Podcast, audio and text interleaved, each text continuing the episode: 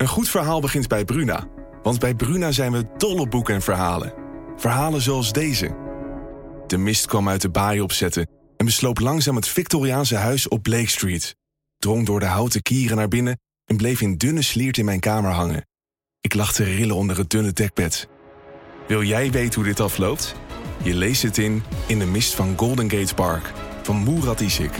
Nu bij Bruna.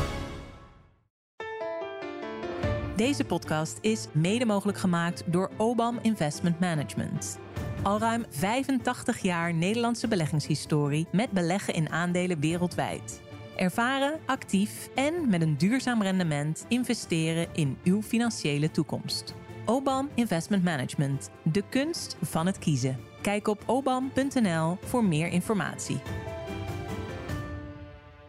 Overmatige schuldengroei. Ja, als het overmatig is. Ja, te veel eh, is nooit goed. Nee, alleen Eh, overmatig drankgebruik is prettig. ja. Tenminste, dat weet ik nog uit het verleden. Wees ja. beter voorbereid op de volgende crisis. Ja, Nou, niet dat heeft kunnen bedenken.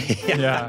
Dit is Kwestie van Centen, een podcast van de Financiële Telegraaf met Martin Visser en Robert Ophorst. nou, Martin, we kunnen fluiten naar onze winstuitkering, hè? Want? De Nederlandse bank stevend af op een groot Oh, die? verlies. Ja, ja. Schreef jij eh, zojuist eh, op de site van de Telegraaf. Het eerste verlies sinds 1931. En dat betekent dat er waarschijnlijk de komende 12 jaar een streep gaat door de winstuitkering voor de Nederlandse schatkist. Ja, ik dacht dat 12 je, jaar. Ik dacht dat je de riante winstuitkeringen van Mediahuis Nee, bedoelde, daar doe ik eh, geen dat- uitspraak dat over. Wij, wij zitten weg. er warmpjes bij, maar wij met z'n allen als, als, als... Ja, opmerkelijk hè? Maar hoeveel miljarden aan een dividend loopt onze schatkist dan daarmee mis? Maar ja, 10 is de schatting. Ja, nee, gemiddeld genomen, en ze hebben bij DNB dat even op een rij gezet, Nederlandse bank. Gemiddeld genomen krijgt de Nederlandse staat eh, per jaar 800 miljoen aan dividend van de Nederlandse bank. Over de afgelopen eh, meer dan 20 jaar, sinds 1999, de start van de euro. Het is niet ieder jaar precies evenveel. En eh, nu zullen ze grote verliezen gaan maken en moeten ze enorm interen op hun vermogen. Zijn tot en met, eh, tot en met 2027 eh, verlieslatend. En daarna zullen ze zeker vijf à zes jaar nodig hebben om weer nieuwe vermogen op te bouwen. En al die jaren eh, zal er geen afdracht zijn aan de staat. Ja, dit is allemaal het gevolg van het rentebeleid van, van de ECB. Ja. Maar alleen maar omdat we nu een paar maanden de rente aan het verhogen zijn, Ja. is het meteen de komende 12 jaar afgelopen met de Ja, nou ja, en hier was de Nederlandse bank zich op aan het voorbereiden. Die hebben dus ook een enorme voorziening opgebouwd. En, eh, en dit is eigenlijk hetzelfde als wat bijvoorbeeld bij de Silicon Valley Bank eh, gebeurde. En, namelijk dat je aan de ene kant van de balans als inkomsten hele lage renteinkomsten hebt op beleggingen die in de tijd zijn eh, afgesloten met hele lage rentes. En aan de andere kant van de balans steeds meer uitgaven moet doen aan, eh, aan depositohouders voor, hogere rente. Met Nederlandse banken, bij een centrale bank zijn het dan de banken die hun geld stallen bij de eh, Nederlandse bank. En inmiddels is de, de rente van, eh, van de centrale bank in een heel korte tijd verhoogd van min 0,5 naar plus 3. En dat is een gigantisch verschil. Dus dan, dan, dan lopen de uitgaven aan rentes die ze moeten betalen enorm snel op. Alleen er is één groot verschil tussen, een, tussen de Silicon Valley Bank en de Nederlandse bank. Is dat de Nederlandse bank kan tot de eeuwigheid met negatieve eigen vermogens door blijven draaien. Dus er geen centje bij, niets aan de hand. De Silicon Valley Bank valt om. Dus eigenlijk hoeven we ons geen zorgen te maken. Nee, in die zin is het, is het, oh, is het ook papier en is het, eh, is het ook gewoon een, een technisch probleem. Behalve dan, en dat, dat, dat realiseren zich bij de centrale bank natuurlijk ook, want de Nederlandse bank zal niet de enige zijn die hier te maken, te maken heeft. Dat is een veel breder fenomeen bij al die centrale banken. Als er heel veel centrale banken op een gegeven moment echt negatief eigen vermogen hebben, daar blijft de Nederlandse bank nu nog bij weg, maar dat zou kunnen nog wel. Ehm, ja, dan, dan kan dat op een gegeven moment ook de geloofwaardigheid aantasten. Eh, als in de hele eurozone alle, alle centrale banken enorme verliezen boeken en allemaal interen en er blijft helemaal geen eigen vermogen meer over. Ja, dan zou het kunnen zijn dat, dat, dat het terugslaat op de kredietwaardigheid van het land. Maar goed, dat is allemaal niet heel duidelijk of dat meteen, Nee. meteen zo is. Maar het is ook niet zo dat er bij de Nederlandse bank een soort bankrun kan ontstaan. Nee. bij een commerciële bank wel, dat is een cruciaal verschil. Maar je merkt het dus concreet dus wel in de winstafdracht aan de Nederlandse staat. Dat is een Ja. forse aanlading van, eh, voor de Nederlandse Nou ja, dat is nog niet voorbij met de renteverhoging. Althans in Amerika niet. Deze Nee. week het, het kwartje van de Fed eh, Ja. gezien. Zo noemde het al hier. Een kwart procentpunt erbij. Ja. Ik moest wel lachen om een eh, tweetje van onze columnist eh, Edin eh Mujagic. Die, die twitterde. Sinds het einde van de Tweede Wereldoorlog zijn er meer mensen op de maan geweest. dan dat de Fed voorzitters heeft gehad. I know, een totaal overbodig weetje. maar toch, de wetenschap dat sinds 1945 tien mensen besluiten hebben genomen. die het dagelijks leven van van miljarden beïnvloed hebben. Ja, ja. Ah, dat is wel eh, grappig. typisch iets voor, eh, voor, Ja. voor. Verder totaal overrated mensen naar de maan sturen. Bedoel, Ja, nou... blij zijn als je nou, hier je door de files op tijd naar je werk weet te worstelen. Dat is pas een prestatie. Ja, nou goed, daar komen we nog wel op terug helemaal aan het eind van de podcast. Ja, ter zake. Ja. Major development in the banking world. The FDIC just reported the California regulator shut down Silicon Valley Bank. Tonight, an historic deal brokered by the Swiss government. Banking giant UBS agreeing to buy rival bank Credit Suisse for $3.2 billion. De aandelen van ING en ABN AMRO gaan hard omlaag op de Amsterdamse beurs. En ook andere Europese banken stonden kort na opening van de beurs in de min. Als wij maandagochtend gaan pinnen met z'n allen, dan is het bankwezen weg. Ja, de vraag is niet of er een bankencrisis komt, maar hoe groot die wordt. Dat zei eh, VVD-Kamerlid Ilko Heijnen deze week tijdens een eh, commissiedebat over de onrust in de financiële sector. Nou, over die onrust hebben we het eh, in de vorige kwestie van Cent uitgebreid gehad. Ook in Politiek Den Haag is men dus bezorgd. We hebben eigenlijk onvoldoende geleerd van de vorige crisis, zei jij vorige week, Martin. Ehm. Deze week gaan we nog eens wat verder inzoomen op wat nou precies de aanbevelingen zijn die na de kredietcrisis zijn gedaan. Eh, jij hebt de zes belangrijkste en volgens mij ook eh, breedst gedeelde adviezen op een rijtje gezet. Ja. En we gaan die gewoon eens even één voor één langslopen. Eh, waarom zou het een goed idee zijn en wat is er van terechtgekomen? Ja, het klinkt een beetje als zo'n zo'n lijstje wat je dan wel eens op internet ziet. Hè? Met, met deze zes aanbevelingen Ja, voor precies. de financiële sector wordt het nooit meer crisis. De zesde aanbeveling zal je verbazen. Ja, nee, nou precies. De zesde aanbeveling is wel de leukste. Ja, inderdaad. Dus, nou, laten we dan maar beginnen met de, de eerste. Ja. Zorg voor diversiteit in de financiële sector. Ja, Ja. Diversiteit, dat is anno 2023 eh, het toverwoord en de oplossing voor alles, eh, zo Ja. lijkt het eh, En soms. zelfs voor financiële crisis. Kan je nagaan. Ja, ja. We Waarom, moeten een, een woke bank, bankenlandschap ja, hebben. bankenlandschap. Waarom moet ook de financiële sector dan meer divers worden? Ja, nou even voor, voor de eerste vier aanbevelingen heb ik rechtstreeks uit een rapport van de WRR gehaald. Een wetenschappelijke raad voor regeringsbeleid. Die naar aanleiding van het toneelstuk van de Verleiders. Die is inmiddels weer in de theater staan met tien jaar later. Op een hele eh, ludieke, spottende, bijtende manier alle problemen in de bank aan de kaak hebben gesteld. Dat leidt tot een kamerdebat en dat leidt uiteindelijk tot een advies van de wetenschappelijke raad voor regeringsbeleid.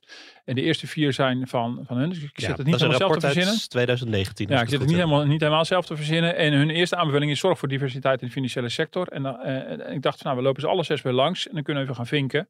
En ja, hier gaat het eh, om, om twee verschillende dingen. De dominantie van de banken aan de ene kant. Of, of banken eh, ook te groot zijn voor, voor de omvang van de economie. Maar ook of ze divers genoeg zijn. Dat het goed zou zijn dat je een gediversifieerd bankenlandschap hebt. En niet alleen maar bijvoorbeeld eh, grote beursgenoteerde banken, waarbij CEO's eh, vette bonussen krijgen als ze vooral voor de korte termijn gewin gaan. Maar als je nou allerlei verschillende type banken hebt, ja, dan heb je de risico's zijn ook veel meer gespreid.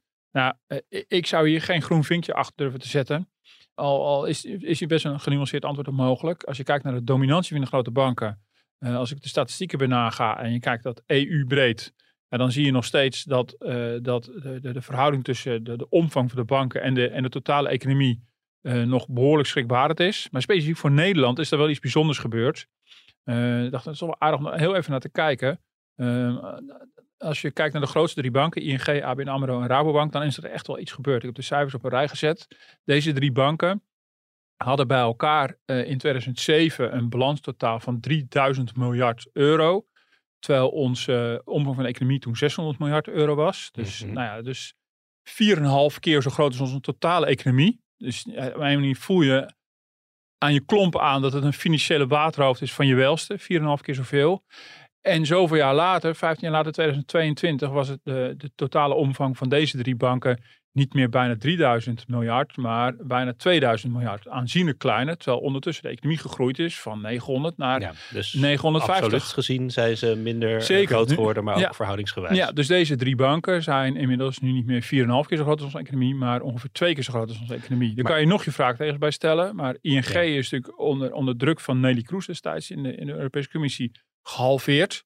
Heel veel woede over geweest, omdat de Nederlandse bank, de ING, wel moest halveren. De Franse banken hoefden dat allemaal niet. ABN AMRO, nou die hele deconfituur hebben we meegemaakt. Die is gewoon, eh, ja dat is van een wereldwijde speler naar een, de- teruggelopen naar een regionale speler. En eigenlijk alleen, alleen de Rabobank is gewoon doorgegaan en is, is groter geworden. Dus je zou kunnen zeggen, SEC Nederland is het risico puur cijfermatig kleiner. Alleen we zien natuurlijk heel snel hoe zo'n crisis om zich heen grijpt. Het is niet sec een landelijk probleem. Nee, maar is het dan een kwestie simpelweg van meer banken of moeten het ook andersoortige banken zijn? Ja, dat moeten ook andersoortige banken zijn. En in die zin vind ik ook interessant dat eh, op allerlei tal van punten, en hier ook heb ik het gevoel dat de discussie halverwege gestrand is. Kijk, het idee is natuurlijk dat eh, ING en ABN AMRO waren natuurlijk van ouds eh, gewoon echt normale beursgenoteerde ondernemingen met grote mondiale ambities en inderdaad die goed betaalde CEO's met hun bonussen. Ehm, eh, dan had je de Rabo die toch tegenover stond als coöperatie, van ouds coöperatie. Nou, die, die is nog steeds een coöperatie, maar heeft steeds minder dat karakter, maar is in ieder geval niet En beursgenoteerd. een coöperatie is inderdaad een, een, een bank die niet in handen is van aandeelhouders, maar van... En van, eigenlijk van, ja, de, de eigendom ligt bij de klanten, als het Ja. ware. Ik bedoel, eh, simpel gesteld. Eh, overigens is die bank sterk gecentraliseerd, omdat het, het idee van al die losse individuele Rabobanken die samen die coöperatie vormden, bleek ook moeilijk bestuurbaar.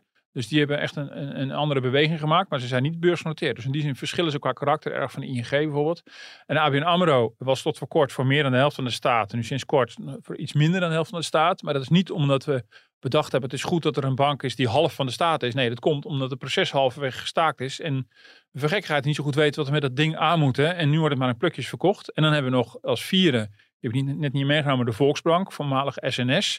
Die is nog steeds helemaal van de staat. En ook dat is niet omdat we vinden dat de Volksbank een soort publiek karakter moet hebben. Dat zou ook nog een vorm van diversificatie kunnen zijn.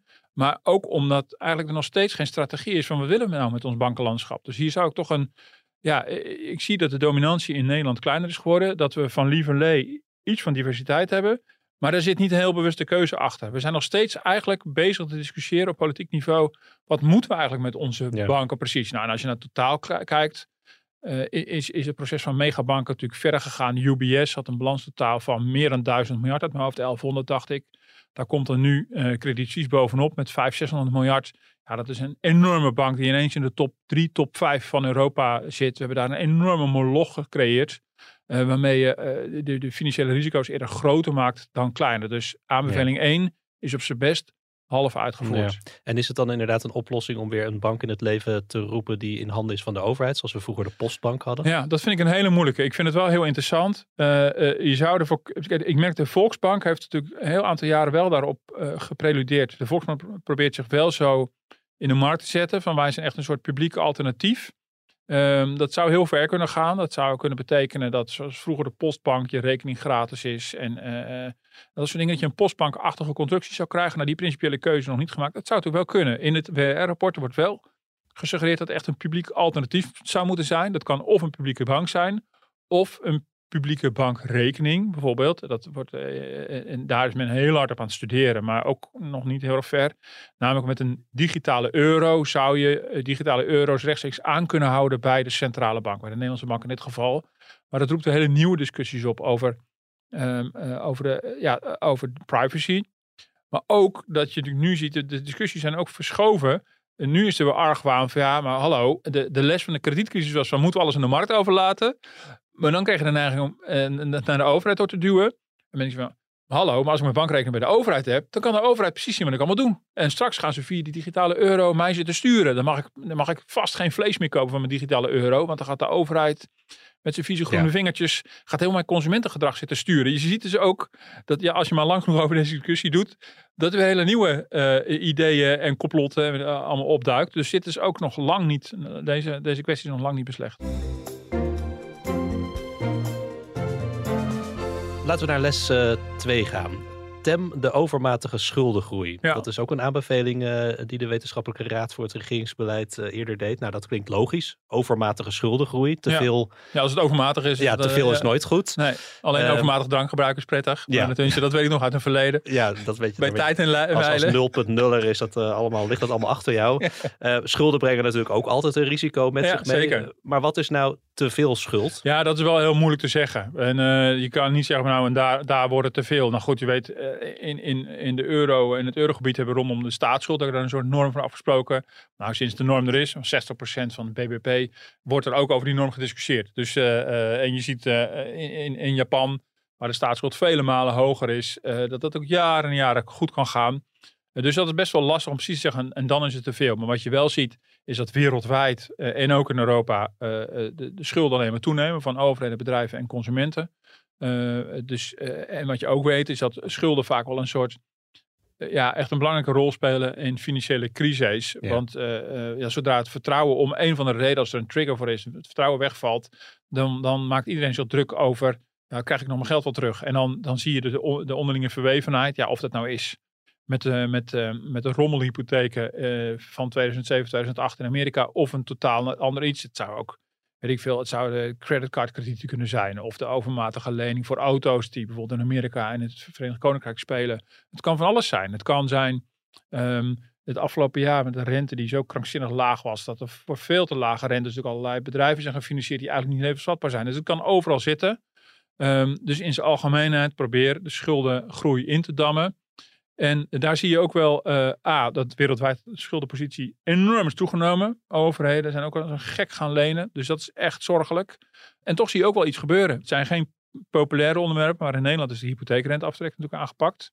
Eh, zeker bij de Telegraaf is dat niet iets waar meteen de handen voor op elkaar gaan. Mhm. Maar vanuit dit optiek is dat begrijpelijk dat die beweging is ingezet. Om, om te voorkomen dat mensen zich te diep in de schulden steken en de overheid via belastingaftrek mensen alleen maar stimuleren en aanjagen om nog meer schuld te maken. En ook rondom dus de aftrek voor bedrijven is er wel het nodige veranderd. Dat is ook een van de concrete lessen geweest. Het was altijd zo dat, dat het voor een bedrijf aantrekkelijker was, fiscaal gezien, om vreemd vermogen aan te trekken dan om eigen vermogen aan te trekken. Want de dividend die ze betaalden over eigen vermogen was niet aftrekbaar, maar de rente die ze moesten betalen over vreemd vermogen, dus kredieten, leningen, die was wel aftrekbaar. En die aftrekpost is in de loop van een aantal jaren flink ingeperkt. Van volledige aftrek naar eh, eerst 30%, recent naar 20%. Eh, eh, reden voor werkgeversclub VNO om af en toe te roepen dat ze de pinautomaat van Den Haag zijn. En ik begrijp dat ook dat het zo voelt. Ja. Maar dat is de achtergrond van dat soort, eh, even los van dat er af en toe gewoon geld geharkt moet worden en de begroting gewoon op orde moet worden gebracht. Is toch, kijk naar aftrekposten, dat je als overheid in ieder geval niet allemaal schulden zit, zit te stimuleren. Maar ja, dat gebeurt in een, in een periode dat notabene de centrale bank ons allemaal de schulden Ja. heeft ingejaagd. Ja. Dus dat is ook wel heel, heel erg dubbel. Dus ik vond het wel overzichtelijk, zo'n eh, groen of rood vinkje. Ach, Ja. wat, wat kunnen wij achter deze aanbeveling Ja, zetten? en- nou, je ziet dus dat een aantal aftrekposten dus wel zijn ingeperkt. Dus dat is een klein groen vinkje. Maar het totale beeld is dat we nog steeds onszelf diep in de schuld hebben gestoken met elkaar wereldwijd. Mhm. En dat je, dat je niet kan zeggen dat dit nu echt is opgelost. Nee, dit is maar ook- eigenlijk wij, wij burgers worden wel beperkt in eh, de, de Ja. hoeveelheid schulden. En de overheid niet. Ja, als je hem zo wil is- neerzetten. En de overheid niet. Ja, ja, ja. Ja. Het is altijd weer. Ja, nee, nee, dat is zeker. En het is ook niet per se allemaal in Nederland. Het is ook gewoon eh, van. Nou, eh, Italië is natuurlijk een, is natuurlijk een voorbeeld. Dus in die zin, als je het heel breed kijkt, is het dus ja, voor een klein deel wel gelukt, maar grotendeels, grotendeels dus niet. Dus reden voor voldoende zorg. Aanbeveling 3. Wees Ja. beter voorbereid op de volgende crisis. Ja, Nou, dat heeft kunnen bedenken. Ja. ja, wij niet- kunnen ook wel bij de WR gaan ja werken. zeker, zeker. Nee, Ja. gewaarschuwd mens eh, telt voor twee. Nou, gewaarschuwd zijn we door de Ja. kredietcrisis. Ja. Eh, de WR schrijft erover in zijn aanbeveling. Het is belangrijk om van tevoren nagedacht te hebben over de voor- en nadelen van verschillende mogelijk onconventionele beleidsopties. Ja. Is Ja. dat dan niet gebeurd bij de dames en heren beleidsmakers? Nou, dat, ehm, ehm, ik heb hier toch sterk het idee van, eh, van niet. Ik bedoel, ik, ik, eh, wat, je, wat, je, wat een beetje de totale afdronk is, is dat we op onderdelen wel eh, dingen hebben aangescherpt. Er is niet niks gebeurd. Maar eigenlijk het systeem als zodanig, hoe het functioneert, is niet wezenlijk veranderd. Nee, ik lees dit ook alsof, je, alsof de aanbeveling is van, nou, zorg dat je nou een soort reddingsplan klaar hebt Ja. Of misschien wel tien reddingsplannen, afgestemd op tien verschillende scenario's. En die kan je desgewenst op het juiste moment En dat is, dat is in die zin wel gebeurd. Er moet een beetje op vertrouwen dat dat ook zo is. Je ziet natuurlijk wel nu de afgelopen twee weken dat er vrij snel eh, bij omvallende banken in actie gekomen wordt. Eh, dus we hoeven het wiel niet meer opnieuw uit te vinden. Dus in die zin is, is daar natuurlijk wel, wel iets veranderd. Eh, in, aanloop eh, zijn natuurlijk de, de, de kapitaaleisen flink verhoogd. Maar er is ook al die jaren nog een discussie door academici. Ja, dat die kapitaaleisen zijn wel zijn verhoogd, maar eigenlijk lang niet genoeg. En nu is het zo, er is een eis dat op de balans moet 3% moet eigen vermogen zijn. Dus ik bedoel, tegenover elke 3 euro die een bank in kas heeft, om heel, heel erg plat te slaan, mogen ze 33,3 euro uitlenen. Nou, dat was, dat was eh, 2 op 50 en dat is dan nu 3 om 33 geworden. En Nederland heeft heel even nou geopteerd om, om eh, alleen in Nederland die eis naar 4% te, te, te trekken. En dan is 4 op 25. Maar hij heeft er toch weer van afgezien. In de praktijk hebben de Nederlandse banken wel een hogere, hogere, hogere buffer. Er zijn dus wel kapitaaleisen gesteld die hoger zijn dan daarvoor. Het is zeer de vraag of het voldoende is. Er een Amerikaanse studie, eh, heel recent, is gemaakt echt in die week dat het helemaal misging in Amerika. En daar bleek ook uit, als de verliezen op al die staatsobligaties moet worden aangesproken. Vergelijkbaar zoals met die paar omvallende banken is gebeurd.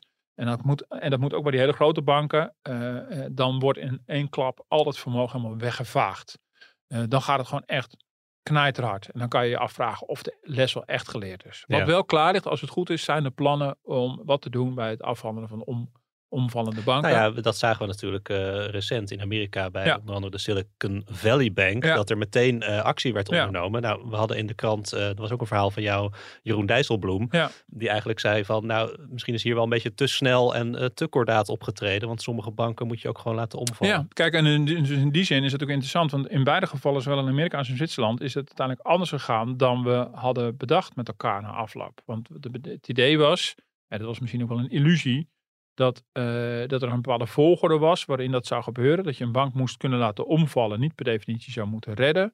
Uh, en dan uh, heb je een volgorde van wie dan aangeslagen wordt voor, voor het verlies. Je begint er eerst mee om alle aandeelhouders kal te stellen, zeg maar. Mm -hmm. Die hebben pak het grootste verlies, of het hele verlies. Dan de obligatiehouders, dan de grote spaarders. Ja, en, en misschien helemaal aan het eind dan nog de belastingbetaler. Maar de bedoeling is, de belastingbetaler blijft in principe buiten schot. En je kan er inderdaad voor kiezen om een bank, als het geen systeemrisico heeft, gewoon om te laten vallen. En als het wel een systeemrisico heeft, zoals het impact zou hebben op het hele financiële stelsel, zoals Credit Suisse, ja, dan moet je het gaan redden. Maar dan nog is het de bedoeling dat deze verschillende kapitaalverschaffers als eerste gaan betalen. In Amerika valt op dat er gekozen is om niet alleen de kleine spaarder, maar ook maar alle spaarders te compenseren.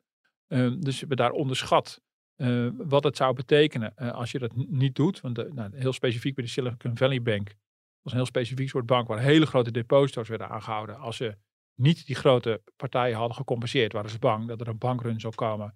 Everywhere. Mm -hmm. Dus dat is dan, dan zie je al op papier had het heel goed bedacht. Maar ja. in de praktijk werkt het heel anders. Credit Suisse is er iets anders gebeurd. Uh, twee dingen zijn er anders gebeurd. A, daar hebben de aandeelhouders flinke pijn moeten pakken, want ze hebben lang niet de waarde gekregen die Credit op de markt nog waard was. Um, nee, maar ze hebben, heeft het eigenlijk voor een habbekrats. Uh, ze hebben voor een habbekrats gekregen, dus onderhandeld over die prijs. Maar de aandeelhouders zijn niet alles kwijtgeraakt. Maar wie wel alles zijn kwijtgeraakt, zijn een hele specifieke partij obligatiehouders. Die wisten dat ze grote risico's lopen. Dat is een, een type obligatie dat is wel een les geweest van de vorige crisis. Dus in die zin is het half wel geleerd, half niet geleerd. Dat zijn een soort obligaties die kunnen omgezet worden in een soort aandeel op het moment dat het foute boel is. Dus een obligatiehouder krijgt in principe aan het eind van de rit een soort lening. En dan krijg je gewoon je geld weer terug. Ja, behalve als er een crisissituatie is, deze, heb je extra hoog risico, krijg je extra vergoeding voor. Dan wordt het alsnog een soort aandeel. Maar deze mensen zijn 100% van hun geld kwijtgeraakt. Daar sloeg Jeroen Dijsselbloem onder andere op aan. Hij had iets, maar, maar dat trappetje was toch anders. We gingen toch eerst met de aandeelhouders beginnen. Uh, dus je hebt het meeste risico dan obligaties. Zo. En, uh, en wat in Zwitserland ook is gedaan, is uiteindelijk de staat er toch gerand voor 9 miljard Zwitserse frank. Nou, dat is om en bij 9 miljard euro. Dus de eerste paar miljard verliezen die er gaan komen uit Credit Suisse zijn voor rekening van UBS. Maar vanaf een bepaald moment gaat het tellen lopen voor de, voor de Zwitserse staat, de belastingbetaler. En dan gaat er dus toch belastinggeld weer hierheen. Dus in die zin is het wel opvallend. De plannen kunnen klaar liggen. Ik heb ook Klaas Knotsmiddag gesproken. Ik heb gezegd, liggen de plannen klaar voor alle, voor alle grote Nederlandse banken? Ja, die liggen klaar. Bezweert hij. Uh, die liggen al jaren klaar. Ieder jaar worden ze opnieuw bekeken. Kunt u garanderen dat de belastingbetaler niet gaat meebetalen als er een bank omvalt? Nee, dat kan nee. ik niet garanderen. Nou, tot zover. En we hebben nu ook geleerd inderdaad dat de plannen als ze uit de kast worden getrokken, dus misschien ook veranderen gaandeweg. Ja, omdat, en dit is overigens ook ook destijds allemaal een discussie geweest. Van dit ziet er op papier prachtig uit. Maar dit werkt vooral als je een geïsoleerd geval hebt. Er valt ja. gewoon ergens uh, in een uithoek van de wereld valt er een bank om. En verder is er nergens paniek. Ja, dan kan je rustig zeggen van nou, uh, alle, alle mensen die risico, met risico hun ja. kapitaal hebben ingebracht. Die zijn het gewoon kwijt. Jammer de bammer.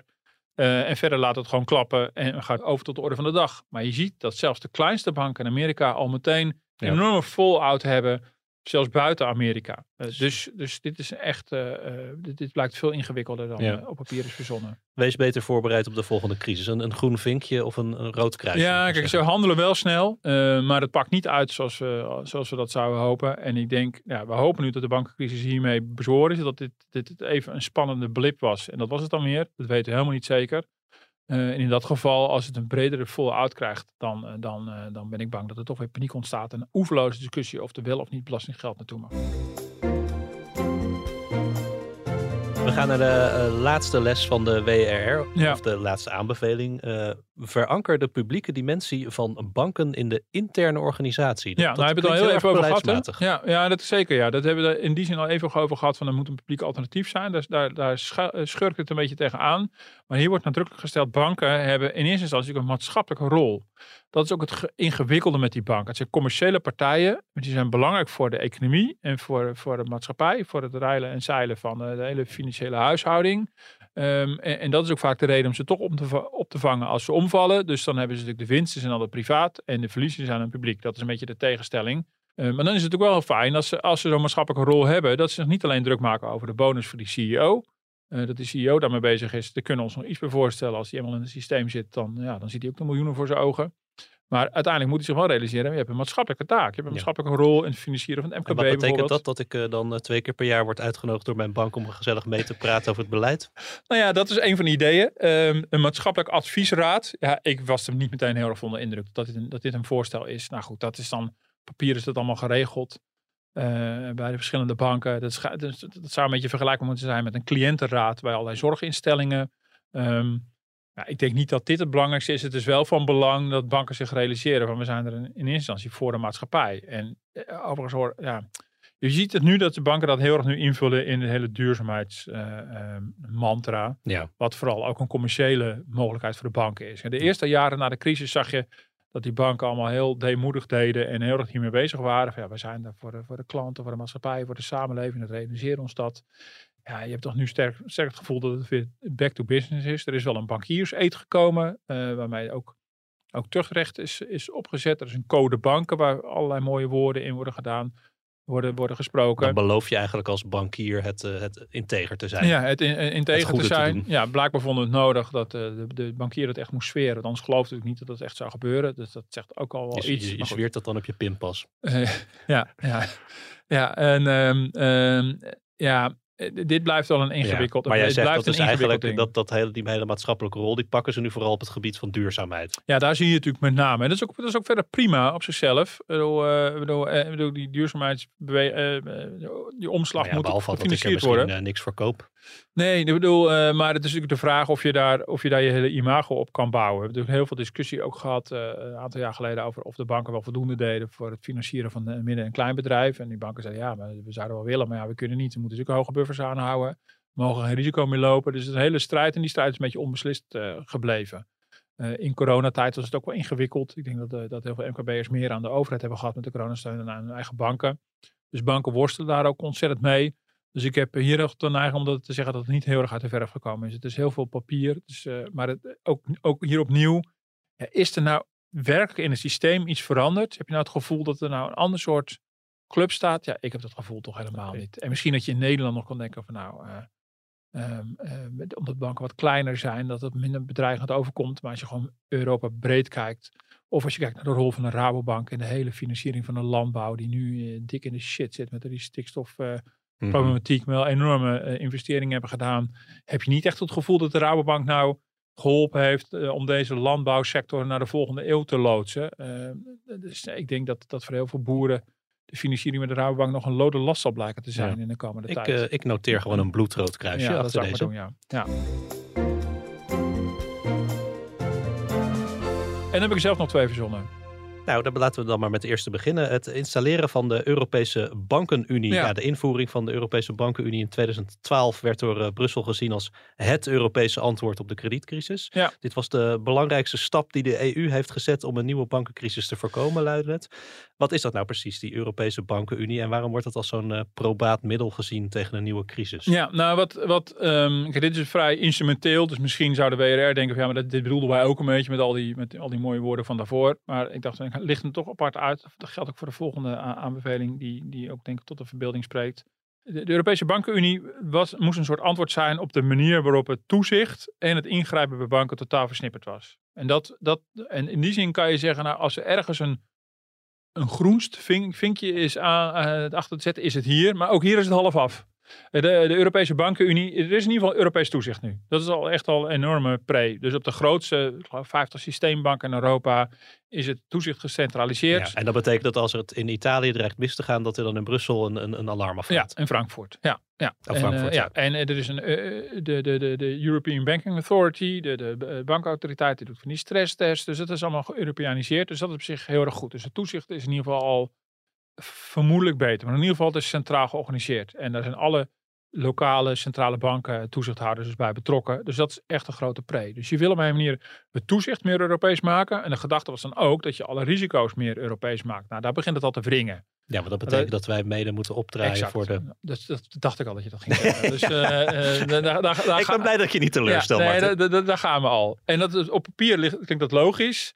Maar voelen wij ook ons mede verantwoordelijk voor de zooi die andere landen ervan maken? Ja, nou, even dat, dat, zag je natuurlijk destijds bij Griekenland. Dat Ja. niet iedereen zich even verantwoordelijk voelde Nee. hier voor de Griekse problemen. Nee, en dat is natuurlijk wel heel lastig, want tegelijkertijd realiseren we ons wel dat, als er, eh, eh, dat het bankensysteem eh, in Europa een risico vormt voor heel Europa.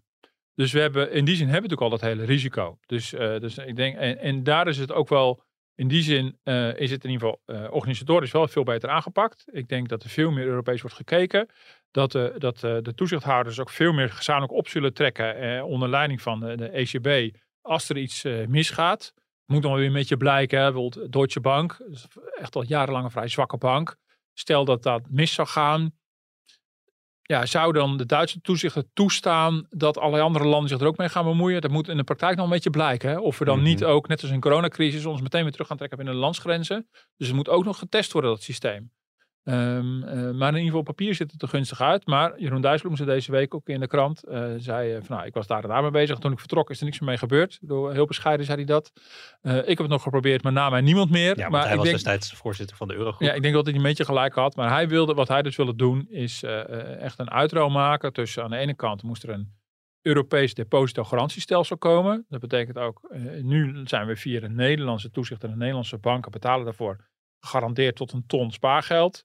Dat is in principe Europees afgesproken, maar dat is gewoon Nederlands gefinancierd. De Nederlandse banken betalen dat. Hè. Als er een, een collega of een concurrent omvalt en al die spaartegoeden moeten worden gegarandeerd, dan moet, moet de rest van de bankensector daarvoor opdraaien. Ja, als je alle risico's en toezicht eh, Europees wil maken, zou je dat ook Europees moeten regelen. Dus het zou logisch zijn. Dat kwam niet van de grond en er stond tegenover, was het de bedoeling ook te zorgen dat er, en dat is denk ik wat mij betreft het allerbelangrijkste, eh, dat er een knip zou komen tussen een land en zijn eigen banken.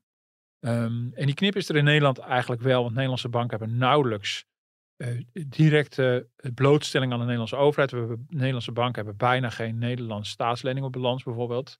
Maar de Italiaanse banken hebben heel veel Italiaanse staatsleningen op balans. Vorige week inderdaad heb je dan nog uitgebreid uitgelegd Ja, dat, dat, ja. dat het daar heel anders zit. Precies, nou, dat was, ik kan me nog goed, goed herinneren, in 2012 speelde met name, toen kwam nog even Spanje ook in de problemen. En dat was eigenlijk een beetje de start in mijn herinnering van, eh, van toen van de bankenunie. Want eh, eerst hadden natuurlijk de, de omvallende banken, kan ik me herinneren. Ik zat in die periode in Brussel, eh, Lehman en toen op een gegeven moment allemaal eh, dikke shit ook in Nederland en de rest van Europa. Toen kwam de eurocrisis en op een gegeven moment in 2012 kwam dat weer bij elkaar. Dus zo heb ik het een beetje zelf ervaren. Dat je op een gegeven moment merkt, van, oh ja, maar zo'n land als Spanje kwam ook in de problemen, omdat zowel de, de staat financiële problemen had als de banken. En dat was aan elkaar gekoppeld. En dat probleem is nooit opgelost.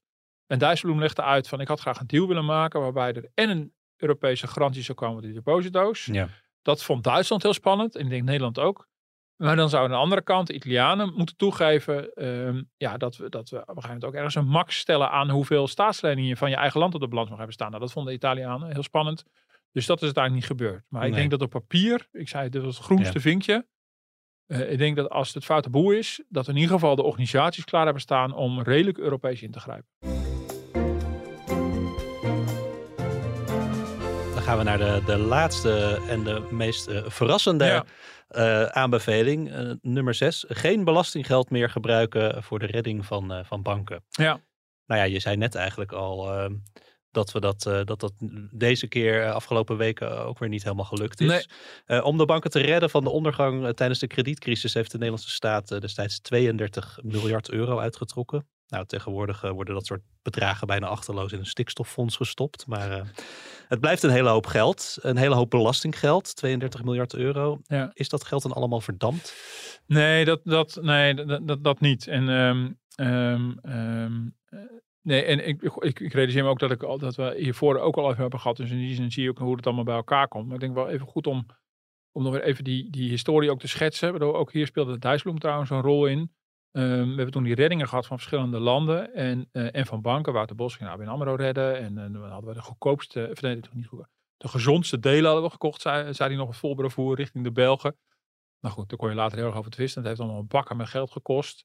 En het zagrijn nam gaandeweg steeds meer toe. Want de maatschappij begrijpt misschien wel ja, dat het de ellende groot zou zijn als je een bank zou Ja, laten ik klappen. dat eh, nog wel herinneren. Ik vond dat natuurlijk als een- van een afstand. Je Ja. Jij zat er middenin journalistiek, maar ik als een, van een afstand. Maar ja, de urgentie was voor mij als burger wel heel duidelijk toen. Ja, dat wel. En toen gaandeweg dat de urgentie weg appte, omdat het geregeld was, eh, groeide het zagrijn Ja. over hoeveel geld heeft het ons uiteindelijk gekost. Ja. En had dat niet anders gekund? En dat heeft ook mee te maken dat die plannen toen dus niet klaar lagen. Er waren, ook wettelijk was het ingewikkeld.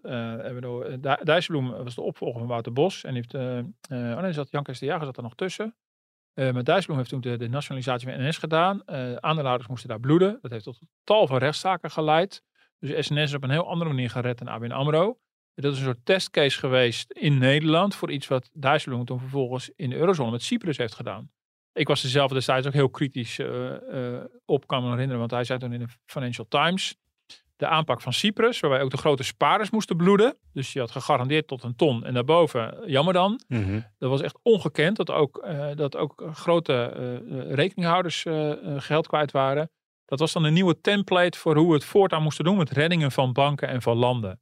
Nou, goed, ik kan me herinneren dat ik er zelf ook heel kritisch over was, omdat vooral de timing waarop hij dat zei, want het was allemaal net een beetje rustig en dan ging hij weer olie op het vuur gooien. Maar goed, hij is voet bij stuk blijven houden van dit is wel de aanpak. En ik denk dat hij inhoudelijk daar ook wel gelijk in heeft. Want maatschappelijk was het op een gegeven moment niet meer acceptabel om steeds maar naar die belastingbetaler Ja. te kijken.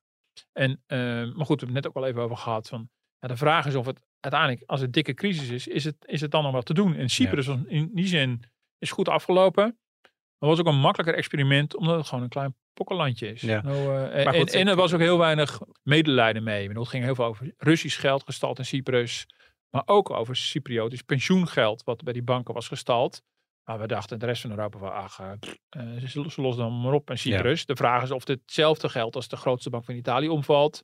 Waar allemaal eh zielige Italianen hun pensioen hebben, hebben staan. Nou, ik moet dan maar zien. Nee, ik ben natuurlijk ook helemaal voor, dat, dat zegt je gevoel dan ook, geen belastinggeld er naartoe. Maar daarom begon ik wel even over die 32 miljard. Want laatst hadden we ook nog dat verhaal ook in de krant, dat de staat natuurlijk nog mede aandeelhouder is van ABN. En Ja. flink aan het cashen was dankzij die aandelen inkopen. Dus ja. we, uiteindelijk verdienen we het geld misschien wel weer terug. Nee, zeker. Dus dat is de, de, de, de- uiteindelijk de eindstand moet nog, zal nog moeten worden opgemaakt. Dus dat is in die zin, eh, is het ook een rekensom die steeds in beweging is gebleven. En op een gegeven moment, pas als ABN AMRO, eh, die heeft, en- ABN AMRO heeft ook, ook wel dividend eh, uitbetaald aan de staat. Ehm, ze hebben nu inkoop eigen aandelen gedaan, heeft de staat ook van geprofiteerd. Soms is dat lijnrecht in tegen de aanbevelingen van de Nederlandse bank. Eh, omdat die vindt dat, ah, dat de banken beter eh, dat geld in kas kunnen houden als een soort buffer. Maar daar trekt de Nederlandse staat zich dan helemaal geen zak van aan. Met de ene hand het, het opgeheven Precies, vingertje en met ja. de andere hand eh, En dan gewoon incasseren met die, met die geld. geit. Nou, nu beginnen ze weer een plukje aandelen te verkopen. En het moet dan helemaal aan het eind blijken of er daadwerkelijk ook echt verliezen zijn geleden. Maar al die jaren heeft de Nederlandse staat ook dat ook wel uitgegeven. Heeft daar garant voor gestaan. Ja. Eh, maar dat is inderdaad, je hebt natuurlijk in die zin wel gelijk. Je weet helemaal niet nog wat, wat de eindstand zou zijn. En het is ook wel, wel eens gesuggereerd hoor, door die, door die ministers die hier verantwoordelijk voor waren. Van misschien zal aan het eind blijken dat het allemaal reuze is meegevallen. Maar in de tussentijd heb je het wel aan de samenleving moeten verkopen. Dat je gewoon zoveel tientallen miljarden hierin hebt eh, Ja. moeten steken. Maar goed, je zei net, eh, Klaas Knot, die eh, zegt uh, de belastingbetaler moet daar in, het, in de toekomst niet meer voor opdraaien. Maar hij kan dus ook niet garanderen Nee. dat dat niet gebeurt. Nee, want hij zegt ook van ja, weet je, soms dan bij een faillissement van een bank is het zo'n chaos. En dan, dan, dan zul je op een gegeven moment ook ja, we moeten handelen naar, naar bevind van zaken. En uh, dan hebben we die, die, die reddingsplannen klaar liggen. En het, en het trappetje is bekend wie als eerste uh, aan de lat staat en wie dus als laatste. Dat is dan de belastingbetaler als laatste. Maar je kunt het nooit helemaal zeker weten. De centrale bank komen te hulp. Dat zijn vaak met, met liquiditeitsinjecties of iets dergelijks. En op een gegeven moment staat de overheid. Kan eventueel ook nog uh, aan zet zijn. Maar het hele idee van geen belastinggeld meer gebruiken voor een redding is volgens mij altijd een beetje een illusie geweest. Uh, een soort mantra wat natuurlijk politiek gezien wel logisch was. Dat is de enige manier om nog te kunnen verkopen um, dat, je, um, ja, dat je dit hele systeem zo in, stand houdt. Maar ik denk aan het eind van de rit is is het A niet te garanderen. Maar ik denk dat als het echt dikke crisis is, dan kan je niet anders dan, dan weer hard in te grijpen. Desnoods met, over, Ja. met overheidsgeld. Maar alleen met dit verschil is dat je dan eh, niet zoals destijds ABN AMRO gaat kopen. Maar dat je gewoon, ik bedoel, je, je kan nog gewoon, weet je, dan, dan krijg je dingen als onteigenen. Dat je het echt gewoon eh, eh, nationaliseert en onteigent. En dat betekent dus dat heel veel partijen gewoon echt hun geld kwijt zijn. En dan is er misschien nog een laatste pluk belastinggeld nodig. Ja, maar goed, we zien wel weer deze week hoe snel het toch weer paniek is en Ja. wordt. Ja, dus dat is natuurlijk, dat is, in die zin is het fascinerend. En dat, en dat zet natuurlijk ook wel weer al die lessen op scherp. Om nu met deze ogen naar die lessen te kijken. En ik, ja, ik had, maar goed, dat zei ik vorige keer ook een enorme aha-erlevenis. Ik oh al die oude discussies komen weer boven. En ook alle, ja, ook alle nuances en, en, en, en, en tegensprekingen van al die lessen die er waren. Van de, de illusie van eh, dat de belastingbetaler nooit meer aan, Ja. aangesproken gaat worden. Dat is gewoon, dat kan je op geen enkele manier kan je dat, kan je dat beloven. En dat, dat werkt alleen maar bij een geïsoleerd geval. Maar het is bijna nooit een geïsoleerd Nee. geval. Een rood kruisje dus maar. Ja, zou ik maar doen, ja. Bang van wel. Ja, de rondvraag, de rubriek eh, waarin eh, nog even ter tafel kan komen. Wat nog niet ter tafel is gekomen, mag eh, over iets totaal anders gaan. Nou ja, Ja. ik, eh, ik ga de komende drie weken eh, heb ik vrij. Ja, Eh, goed zeg. Geen zorgen, kwestie van centen gaat gewoon door. Ja. Zeker nadat ik eh, eerder al een week over heb geslagen omdat ik ziek was. Ja, nee, ik ben nog even bezig met een, met een andere invulling, maar je wordt waardig vervangen. Nog. Ja. Een mooie drie Nee, afleveringen. ik ga lekker drie weken niks. Ik moet je wel teleurstellen. In tegenstelling tot sommige oud-collega's ga ik niet drie weken in een plaggenhut met de Huskies in Groenland naar, naar het Noorderlicht zitten te kijken. ik blijf gewoon in Nederland. Nee, ik heb wel. eh, ik, ik probeer ook nog een beetje eh, te lezen. En ik heb nog een, eh, een boek in huis gehaald. eh, Money Man van een Financial Times journalist Ja. over het Wirecard-schandaal. Ik heb dat eigenlijk, wij hebben er ook veel over geschreven, maar ik heb het eigenlijk al een beetje langs me heen laten gaan. Maar ik zag positieve recensies voorbij komen. En Ja. ik hou wel van die een beetje financiële true crime. En het werd ook ergens omschreven, dit boek, als A Cross Between the Enron Scandal en Rosemary's Baby. Oh ja, ja, nou ja, ja. dat vond ik toch wel een prikkelende... Ja, zeker. Ik heb, het- ik, heb, ik heb het niet gelezen. En eh, ja, ik wilde nog even hebben over het boek wat ik aan het lezen ben. Want dat is totaal iets anders. Je begon over de man op de maan. En toen dacht ik, nou, daar komen we op terug. Ik zit, ik zit eh, sinds kort helemaal in de kosmologie. Oh. Dus ik ben eh, een boek aan het lezen van Thomas Hertog. Dat is een Wat, wat Vlaamse... krijg je ervan als je geen alcohol meer drinkt? Dus Thomas Hertog is een Vlaamse eh, hoogleraar die twintig jaar lang met Stephen Hawking heeft samengewerkt. Oh, dus die man op Oxford, ik op Cambridge, nou, die, die, die een aantal jaar geleden is overleden, die, eh, die met die stemcomputer altijd moest, moest, moest spreken. Ik zie hem een beetje als de Einstein van onze tijd. En die heeft dus een, een Vlaamse secondant gehad. Secondant, ik misschien- ik denk dat ik een beetje te, te kort doe. en hij heeft een boek geschreven, Het ontstaan van de tijd.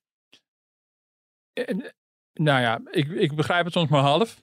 Maar ik vind het zo fascinerend over de oerknal en zwarte gaten en, en, en gekromde ruimtetijd. En eh, ik vind het super fascinerend. Het is totaal anders dan, eh, dan waar ik voor mijn werk mee bezig ben. nou ja, als macro-econoom kijk je toch ook naar het grote plaatje. Zeker, maar dit plaatje is echt wel heel erg groot. Dus nee, ik vind het super interessant. En hij probeert ook, eh, dat heeft hij dan de laatste jaren met Stephen Hawking ontwikkeld, een andere manier, ik kan dat niet reproduceren hier, een andere manier van kijken naar deze problematiek. Eh, die heel veel vragen ook oproept. Eh, dat vind ik interessant. Eh, niet alleen over dit, dit technische aspect van hoe zit het nou letterlijk precies, maar ook wat is dan onze plek in dit heelal en wat is tijd en wat was er voor het begin en Ja. dat soort dingen. Ja, dat vind ik super interessant. Al, al begrijp ik maar de helft. Ik zit echt eh, te smullen als ik iedere avond even een stukje lees. Dus dat eh, klinkt, klinkt goed inderdaad. Nou, over drie weken gaan we elkaars, eh, elkaar een boekpresentatie geven. ja, dan. is goed. Ik eh, dank jou hartelijk en eh, volgende week eh, zijn we er gewoon weer. Tot dan. Tot volgende week.